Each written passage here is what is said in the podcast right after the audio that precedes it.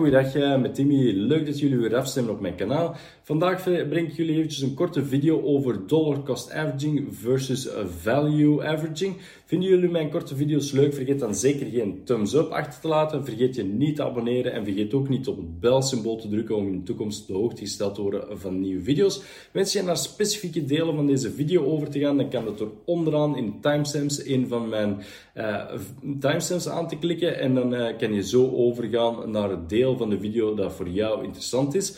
Wat is nu dollar cost averaging en uh, value averaging en waarom zijn deze investeringstechnieken interessant?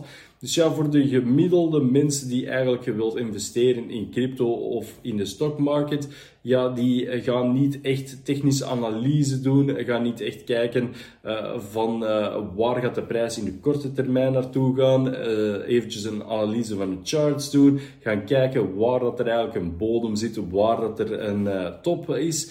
moest je trouwens willen weten wat dat de bodem- en topindicatoren zijn voor Bitcoin, dan kan je eventueel mijn video daarover bekijken, zodanig dat je beter je inkoopmoment kunt plannen. Uh, maar dus ja, de gemiddelde investeerder die houdt zich dus niet bezig met uh, al die analyses. Ze zien gewoon bijvoorbeeld ja, Bitcoin in de loop van de jaren uh, gaat dat stijgen in waarde, want ik heb er vertrouwen in. in de loop van de jaren gaat een bepaald aandeel stijgen, want ik heb daar vertrouwen in. Ik weet alleen niet op welk moment dat ik nu best kan inkopen. wat dat je dan kunt doen is van ja, ik ga bijvoorbeeld een bedrag van 10.000 euro investeren. En je zou kunnen zeggen van ja, ik smijt dat onmiddellijk in de markt. Het probleem daarmee is dat je eigenlijk niet weet of dat een goed moment is uh, om in te kopen. En als je dat nu bijvoorbeeld gedaan hebt uh, op de piek nu eventjes van 69.000 US dollar voor bitcoin. Ja, dan zul je nu enorm veel angst zien omdat je bitcoin zo hard gedaald is in waarden in een heel korte periode van tijd. En dan ga je zoiets hebben van, ja, misschien moet ik toch maar paniek verkopen om dan lager in te kopen. Of misschien was dit toch niks voor mij. En dollar cost averaging en value averaging nemen eigenlijk een beetje die angst en die, ja, die gevoelens, die emotie weg. Die emotie wegnemen is een heel belangrijke factor, uh, omdat je eigenlijk met een plan gaat investeren en je gaat je niet laten leiden door emoties. Hoe ga je dat nu eigenlijk doen? Dus ja, eerst en vooral gaan we eens even kijken naar dollar cost averaging.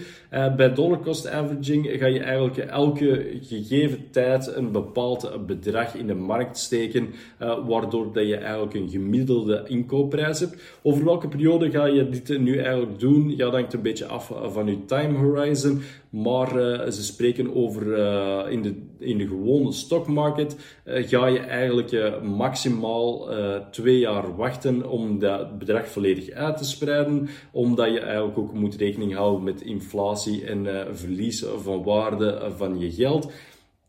Uh, ja, ik zou nu zeggen, in crypto moet je je time horizon zeker nog wel wat inkorten, omdat je eigenlijk elke vier jaar een uh, soort van market cycle hebt met de bitcoin halvings. En uh, dus ja, je moet dat geld dus wel op kortere periode erin hebben. Maar laten we voor de sake of de video eventjes aannemen dat we een bedrag hebben van 10.000 dollar en we gaan dit investeren in bijvoorbeeld één kwartaal of zo. En we gaan elke week een stukje investeren. Ik weet niet wat nu juist gaat uitkomen met dat één kwartaal, maar uh, elke week gaan we dus een stukje van die 10.000 euro investeren. Uh, dat wil dus zeggen dat we op 10 weken uh, eh, 10.000 euro geïnvesteerd hebben als we elke week 1000 euro in de markt steken. dus ja, bij dollar cost averaging ga je gewoon elke week dan 1000 euro in de markt steken. En op die manier ga je eigenlijk een gemiddelde inkoopprijs hebben, omdat de, uh, tijdens die 10 weken is de prijs gedaald, is de prijs omhoog gegaan. Dus heb je een paar keer gekocht wanneer dat de prijs redelijk laag stond, heb je een paar keer gekocht wanneer dat de prijs redelijk hoog staat, waardoor dat je eigenlijk een gemiddelde aankoopprijs hebt en eh, je eigenlijk zowel eh, niet in de bodem exact hebt ingekocht en ook niet uh, op de top hebt ingekocht. Dus ja, je aankoopbedrag is eigenlijk verspreid en je hebt een gemiddelde inkoopprijs. Uh, wat is nu een andere manier? ja, value investing is eigenlijk een andere manier. En bij value investing ga je eigenlijk een beetje meer proberen van die bodem te pakken te krijgen. En dat doe je op een specifieke manier. Dus ja, net zoals bij dollar cost averaging ga je dus eerst en vooral de eerste week 1000 euro bijvoorbeeld investeren. En je gaat voor je eigen een bepaald bedrag van winst voorop zetten dat je wilt halen elke week. Uh, voor de sake of deze video gaan we gewoon stellen dat je bijvoorbeeld elke week uh, eh, 100 euro meer wilt hebben in de markt uh, dan de week ervoor. Dus ja, we kijken dan de week erna en 1000 euro bijvoorbeeld is in waarde gedaald, want de bitcoinprijs is naar beneden gegaan en je hebt nu nog 700 euro in de markt. Maar je doel was eigenlijk om 1100 euro in de markt te hebben die week daarop. Dus dan wil dat zeggen dat je eigenlijk van je 700 euro naar 1100 euro moet gaan. Dus je moet 400 euro deze week in de markt steken. Dus dan ga je eigenlijk 400 euro nu bij investeren uh, om aan die 1100 euro te gaan, omdat de markt gedaald is. Uh, de week daarop ga je terugkijken en zie je dat nu uh, je 1100 euro uh, is nu ineens 1300 euro waard. 1300 euro, ja, dat is 100 euro eigenlijk meer dan het bedrag dat je op ogen had. Want je had eigenlijk op ogen dat je 1200 euro zou hebben deze week. Dus dan mag je weer 100 euro terug uit de markt nemen. En op deze manier heb je terug 100 euro die eigenlijk bij je potje komt van wat er nog over is van die 10.000 euro.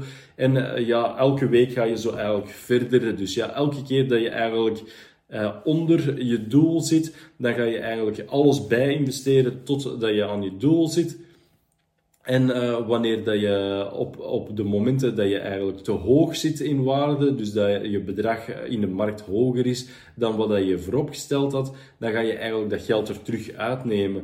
Op deze manier ga je eigenlijk bij value investing een beetje meer de inkopen in de dalperiodes en uh, minder uh, hebben in de piekperiodes, waardoor dat je gemiddelde inkoop veel beter is dan bij dollar cost averaging. Dus in mijn ogen is eigenlijk ja, die value averaging een betere investeringstechniek dan die dollar cost averaging. Er is wel iets meer uh, aandacht dat je eigenlijk moet besteden, dus je gaat elke week eventjes moeten kijken van welk bedrag had ik nu op ogen dat ik ging hebben en uh, ja, welk bedrag heb ik nu effectief in de markt zitten. En je gaat dus elke week eventjes een hercalculatie moeten doen van dat bedrag.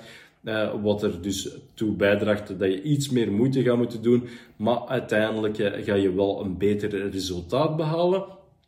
Uh, dat was het eigenlijk uh, voor, over dollar cost averaging en value averaging. Die, deze twee technieken zijn zeker technieken die je als beginner of als investeerder die een beetje een hands-off techniek wilt gebruiken om te investeren in de markt, uh, zeker kunt gebruiken. Vinden jullie uh, deze video leuk? Vergeet dan zeker geen thumbs up achter te laten. Vergeet je niet te abonneren en vergeet ook niet op het belsymbool te drukken om in toekomst op de hoogte gesteld te worden van nieuwe video's. En dan hoop ik jullie snel terug te zien in een van mijn volgende video's. Fijne dag nog. Dag.